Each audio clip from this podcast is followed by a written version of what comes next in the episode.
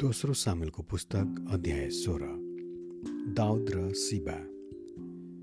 दाउद डाँडाको टाकुराबाट अलिक पर मात्र पुगेको बेलामा मपिबो सेतको नोकर शिवासँग तिनको भेट भयो। त्यसले आफूसँग दुई सय रोटी एक सय झुप्पा किसमिस नेभाराका एक सय डल्लो र एक मसक दागमध्ये जिन लगाम कसेका एक हुल गदामा बोकाएर ल्याएको थियो। राजाले शिवालाई भने तिमीले यी सबै किन ल्यायौ?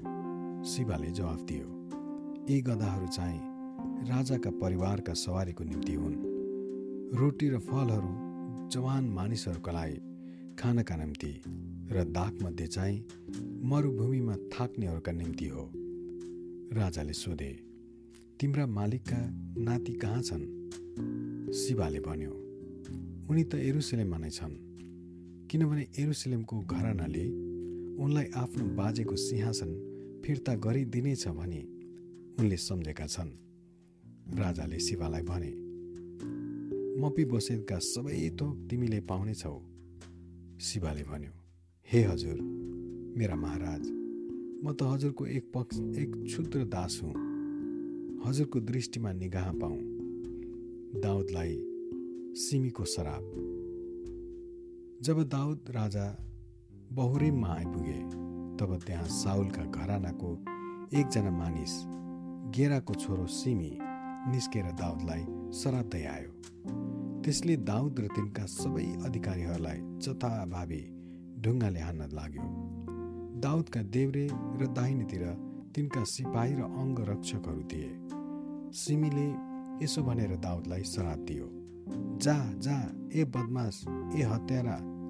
साउलको घरानामा रगत बगाएर उनको स्थानमा राज्य गर्न खोज्ने त माथि आज परमप्रभुको बदला दिनुभएको चाहिँ हो र त्यो राज्य र अब परमप्रभुले तेरो छोरो अब्सालमलाई दिनुभयो। त आज बर्बाद भइस् किनभने त हत्यारा होस्। तब सरु यहाँका छोरा अभिषयले राजालाई भने हजुर यो मरेको कुकुरले किन हजुरलाई सराप्ने? म पारी गएर त्यसको टाउको उडाइदिनेछु। तर राजाले भने ए सरू यहाँका छोराहरू हो तिमीहरूलाई मसँग के सरोकार यदि परमप्रभुले दाउदलाई त्यसले सरापोस् भनी भन्नुभएको छ भने कसले त्यसलाई रोक्न सक्छ? दाउदले अभिषय र आफ्ना सबै अधिकारीहरूलाई भने यदि मेरो छोरा मेरो आफ्नै छोराले मलाई मार्न खोज्छ भने यस बेन्यामिने त के कुरा गर्नु? त्यसलाई छोडिदियो। त्यसले सराप होस् किनभने परमप्रभुले नै त्यसलाई त्यसो गर्नु भनी भन्नुभएको होला। सायद आजको दिन मलाई यो शराबको सट्टा परमप्रभुले मेरो कष्ट हेर्नुहुनेछ र मलाई आशिष दिनुहुनेछ। यसैले दाउद र तिनका मानिसहरू आफ्नो बाटो लागे। र सिमी चाहिँ दाउदको बाटोमा परेको पारिपट्टिको डाँडै डाँडा गयो र जाँदा दाउदतिर सराप्दै र ढुङ्गा हान्दै र धुलो फ्याँक्दै गयो। राजा र तिनीसँग भएका सबै मानिसहरू आफ्नो गन्तव्यमा लकत्रान भइपुगे अनि त्यहाँ तिनले आफूलाई ताजा बनाए। एरुसलेममा अब्सालमसँग अहितोपेल र हुसै। यसै बिचमा अब्सालम र तिनीसँग भएका सबै इजरायलीहरू एरुसलममा पुगे। अनि अहितोपेल पनि तिनीसँग थिए।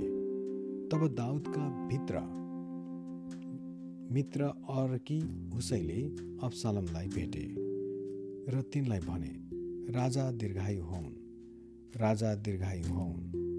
तब अब्सालमले जवाफ दिए तिम्रो मित्रलाई देखाएको प्रेम यही हो। तिमी उहाँसँग किन गएनौ? हुसैले अब्सालमलाई जवाब दिए।